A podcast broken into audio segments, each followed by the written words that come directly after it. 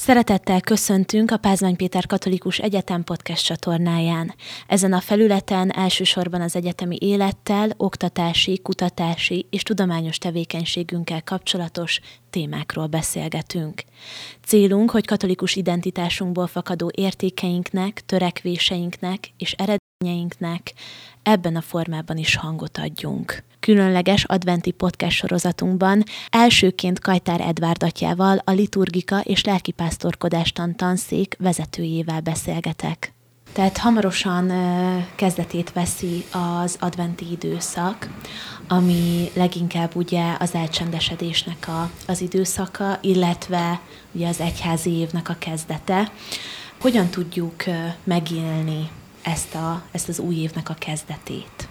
Az advent az egyházi év kezdete, ugyanakkor a kezdet mellett emlékeztet bennünket a végre is, hiszen az advent, ahogyan a szövegeit, könyörgéseit szemléljük, nem csak a karácsonyra tekint előre és annak egy felkészülési időszaka, hanem a könyörgéseiben, a Szentmisének a szövegeiben gyakort emlékezteti a hívőt arra, hogy lesz az Úr Jézusnak egy második eljövetele is, az idők végezetével, az emberi történelem végén, hogy eljöjjön ítélni élőket és holtakat.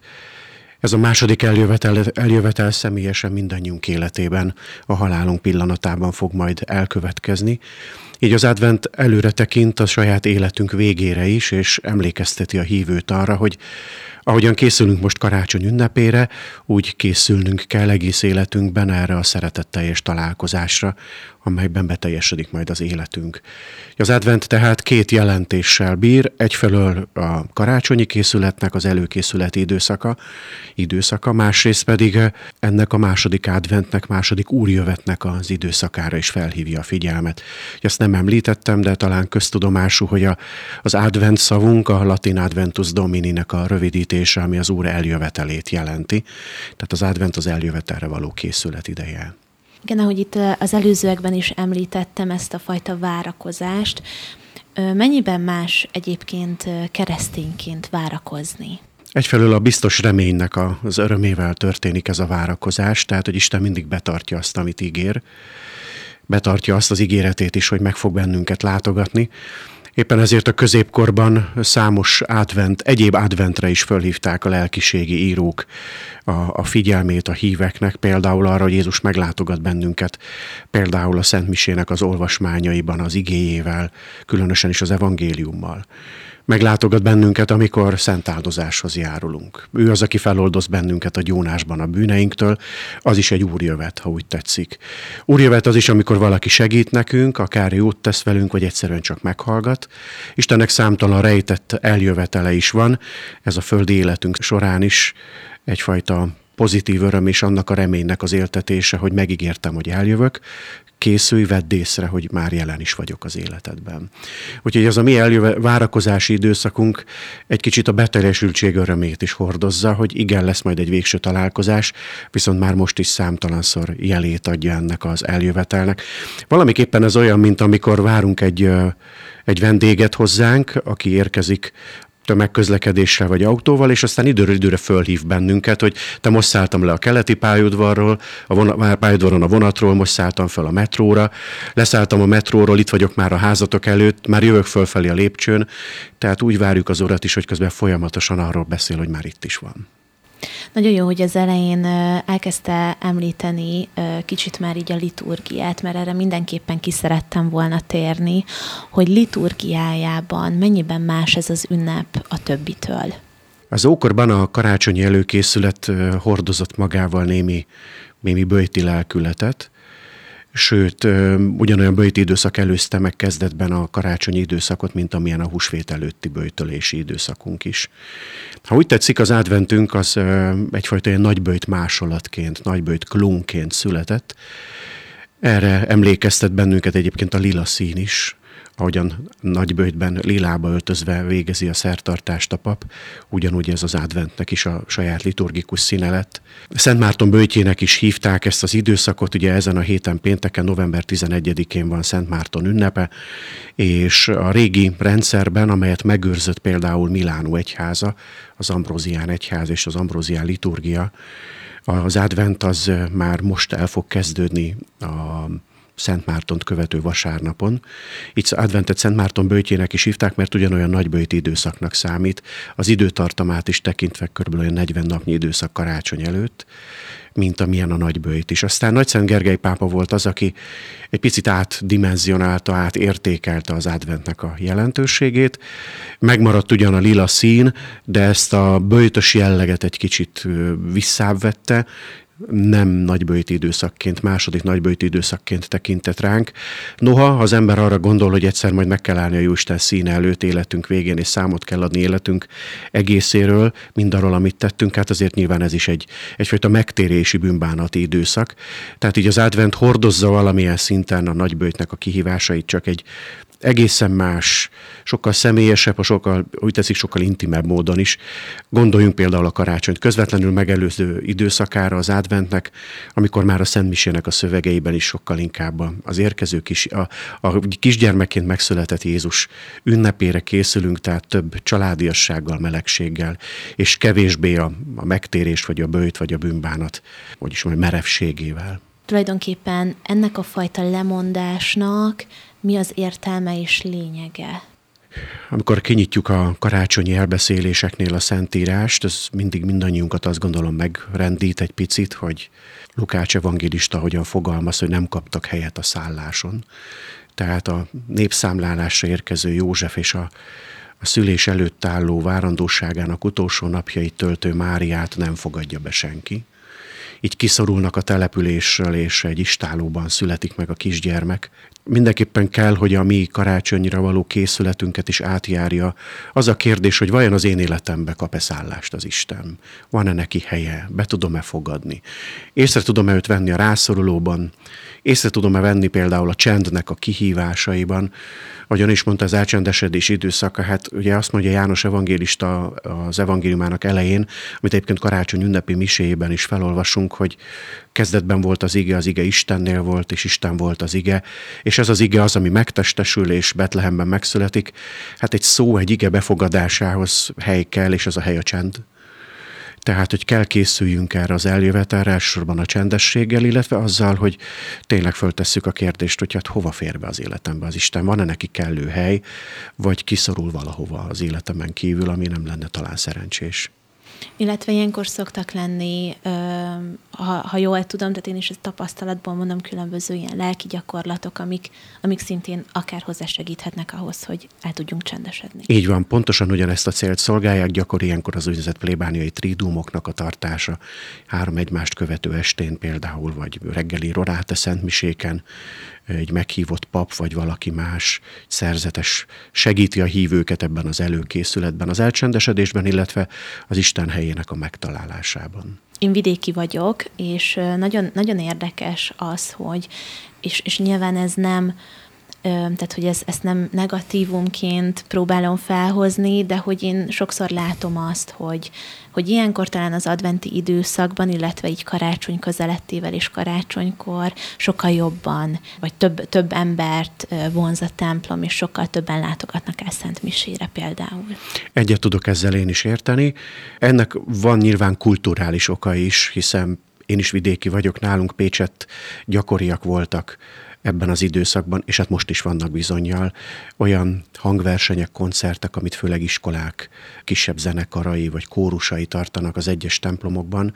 Attól függetlenül, hogy akár a kórusoknak a tagjai, akár az iskola maga katolikus jellegű lenne, és mindenki egy olyan kis repertoárral készül, amely kapcsolódik a karácsony ünnepéhez.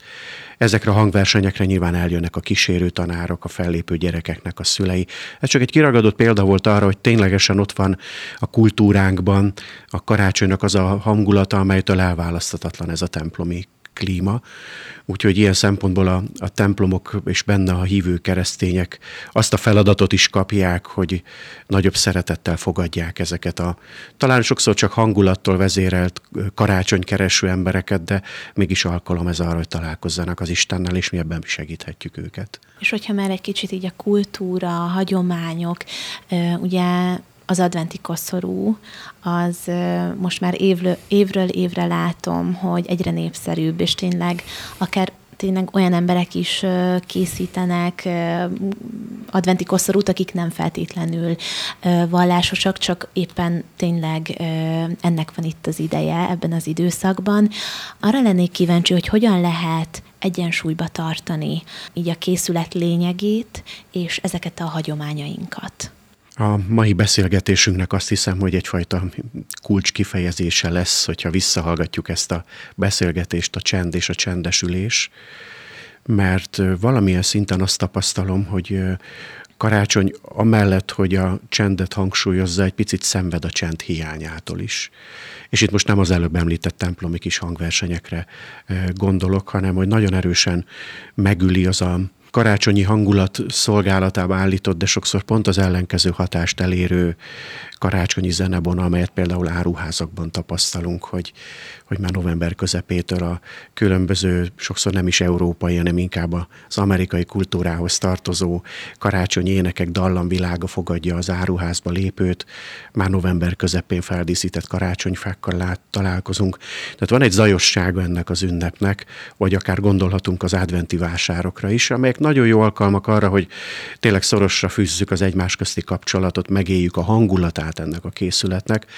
Csak hát sok bába közt elvész a gyermek, itt a csendre gondolok elsősorban, hogy a csendben érkező Isten befogadására nem ez a zajosság a legalkalmasabb, úgyhogy továbbra is hangsúlyozni kell, hogy hogy aki hallgatja a műsort, azoknak szeretettel ajánlom, hogy próbálják meg a csendnek az alkalmait megtalálni az advent során a mindennapjaikban, hogy, hogy egyáltalán a szívükhöz érkezhessen a, a gondolat, be tudom-e fogadni az Istent, és hogy meg is sejtsem, meg is érezzem, hogy igen, itt van. Ő csendben érkezik. Hogyha már csend, akkor most azon gondolkoztam, hogy ugye említettük már a lelki gyakorlatokat, de tényleg egy nagyon rohanó világban élünk. Én saját magamon is tapasztalom, a környezetemen, a baráti társaságomon, a szüleimen is még, hogy tényleg nagyon rohanunk, és, és például a, a lelki gyakorlatok egy nagyon jó mondjuk úgy, hogy nagyon jó opciók lehetnek arra, hogy elcsendesedjünk. Mit, mit tud esetleg még ön ajánlani így a hallgatóknak? Eszembe jutott, még önt hallgattam, hogy hasonló fékrendszer, ami lassítja egy kicsit ezt a, ezt a rohanó időszakot, ami ezt az ünnepet jellemzi, ünnepkört jellemzi, ami mögött egyébként az is ott van okként, kiváltó okként, hogy bár a tanévre ez nem jellemző, de azért a polgárévnek a végéről beszélünk, amikor is nagyon sok cégnél például évvégi zárások vannak, évvégi hajrák vannak, és ez a felpörgetettség jön azért ebből is, hogy el kell készíteni a zárásokat, leállnak az üzemek, leállnak egyes cégek, aztán majd csak január elején vagy közepén nyitnak újra. Sok üzlet január elején leltározással kezd. Tehát, hogy ez a felpörgetettség, ez a rohanás ebből is fakad. Egyetemeken ugye már belépünk a vizsgai időszakba, véget ér az első szemeszter, ez is hoz egyfajta ilyen hajrá hangulatot. Az időnk az ami, annyi amennyi, 24 óra továbbra is a nap, van ugyanakkor ez a felpörgetettség, sokakban ott a karácsonyi készületnek a, a felpörgetett ritmusa, ilyenkor nem irigylem a háziasszonyokat, akik mondjuk így család mellett, munkahely mellett még arra is kell gondoljanak, hogy milyen vendégjárás lesz, elkészüljenek a fontos sütemények, meglegyen a függönynek a kimosása, a rendrakás, tehát hogy az idő annyi, amennyi, és mégis nagyon sok mindent bele kell ebbe zsúfoljunk. Régtől a katolikus bölcsesség talált erre egy jó megoldást, ami nem kevés áldozattal jár, de mégiscsak segít a hangolódásban, meg egy kicsit ebből a rendszerből, ebből a pörgős rendszerből való kilépésreben. Ez pedig a hajnali rorátemiségnek a, az alkalma, amikor hát erőszakot teszünk magunkon azzal, hogy korábban kelünk, ergo korábban is fekszünk, ha tudunk este, mert hát valahol azért ki kell pihenjük magunkat. Viszont reggel korán, amikor még minden zárva van, és amikor még nem kell másra figyeljünk, vagy talán fáradtság okán nem is tudunk, de elmegyünk egy szentmisére, ahol lehet, hogy csak egy rövid kis homiliát kapunk, mert mindenki siet, de mégiscsak egy alkalom arra, hogy most csak tényleg a lényegre figyelhetek, semmi másra. Azért mosolyodtam el magam, mert én is volt egy időszak, egy, egy adventi, adventi időszak, amikor megpróbálkoztam a rorátéval, és emlékszem, hogy nagyon-nagyon fáradt voltam, de, de tényleg alá tudom azt támasztani, hogy, hogy tényleg meghozza szerintem azt a fajta csendet, amiről most, most mi itt beszélgetünk. azt gondolkodtatott így el, ami talán érdekes lehet, hogy ugye az adventi időszakban egyszerre várjuk ugye Krisztusnak a, születését, illetve a második eljövetelét, és ezt a kettőt, mert az egyik nyilván bennünk keresztényekben mind a kettő egyfajta örömet okoz, de mégis, hogyha végig gondoljuk, az egyik egy ilyen, egy tényleg örömet okoz, a másik meg talán kelthet fél, félelmet is akár sok emberben, hogy ezt a kettőt így, így hogy lehet összeegyeztetni ebben az időszakban? Az jutott eszembe, míg önt hallgattam most, hogy amikor a zsidók várták a messiást 2000 évvel ezelőtt, mert nagyon ott volt már azért jó sok éve már a zsidóságban, annak, a, annak az érzése, nyilván ez a Szentlélek ajándéka a zsidó, hívó zsidó ember számára is, hogy nagyon közeli már az eljövetele. Tehát amikor Jézus megszületett, akkor volt egy nagyon erős messiás várás a zsidó ember hitében, érzésvilágában is. És általában mindenki egy olyan messiást, egy olyan megváltót várt, akiben hatalmas erők indukálódnak legyenek ezek spirituális erők. Sokan azt gondolták, hogy talán egy pap lesz, vagy a papi osztályból valaki. Volt ebben némi politikai erő, indukáció is, például indukció azzal, hogy, hogy majd egy király lesz, aki megszabadít a rómaiaktól, újból megvalósítja Dávidnak a hatalmas és gazdag és erős királyságát. Aztán egy kis fiú, egy kisbaba képében jött el hozzánk, egy szelíd, másokra szoruló, úgy tetszik, gyenge kisgyermekben. Az Isten eljövetele mindig hordozza magában ezt a fajta megdöbbentő szelítséget, ezt a lefegyverző szelítséget, mert azt gondolom, hogy egy, egy kisgyerek előtt az ember mindig lefegyverezve érzi magát. Egy kisbaba mindig mosolyt csal mindenki arcára, a legkomorabb emberek arcára is. Talán az ő második eljövetele is valami egyszerre hatalmas erők indukációjától, indukciójától terhes valóság lesz, tehát hogy nem bújhat el senki előle, és nincs, nincs még egy esély, itt a vég. Ugyanakkor beletekintve a szemébe hallatlan szeretetet, gyengétséget, szelítséget fogunk látni. Ugyan ítélni élőket és holtakat jön el, de mégis a szeretet ítéletét fogja kimondani. Tehát a gyermeki ászlában azért az Istennek a stílusára is rádöbbenhetünk, ahogyan ezt nagyon sokszor emlegeti például Ferenc pápa is, hogy Isten mindig gyengéd, mindig közel van, mindig tapintatos. Így végezetül arra lennék kíváncsi, hogyan hogy készül az idei adventre, mit fog a középpontba helyezni, hogy ebből talán a hallgatók is merítkezzenek. Az egyetemi felsőoktatásban dolgozom, megkezdjük mi is majd a, a vizsgai már karácsony előtt. Érkeznek be a szemeszter végére időzített beadandók, dolgozatok, ezekkel nyilván foglalkozni kell. Felpörög tehát az én életem is, mint, mint akár a diákoké is, akikkel foglalkozom. Úgyhogy nekem már most az körvonalazódik, hogy a lelassultságnak, a lassításnak a, az alkalmait kell megharcolnom szentmiséken, külön vállalt csendes imádságokon. Az idei esztendőben nem megyek tridumot tartani. Az elmúlt esztendőkben előfordult, hogy paptestvérek elhívtak a közösségükbe ilyen előkészítő lelki gyakorlatokra. Ez most nekem abból a szempontból kihívás, hogy akkor most jobban tudok talán a magam karácsonyáról készülni, azzal foglalkozni.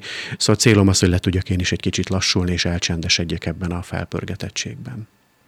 Nagyon szépen köszönöm ezt a beszélgetést, és áldott készületet kívánok. Köszönöm, ezt kívánom a kedves hallgatóknak én is. Köszönöm a beszélgetést, a hallgatóinknak pedig a figyelmet. Kövessétek csatornánk további tartalmait is.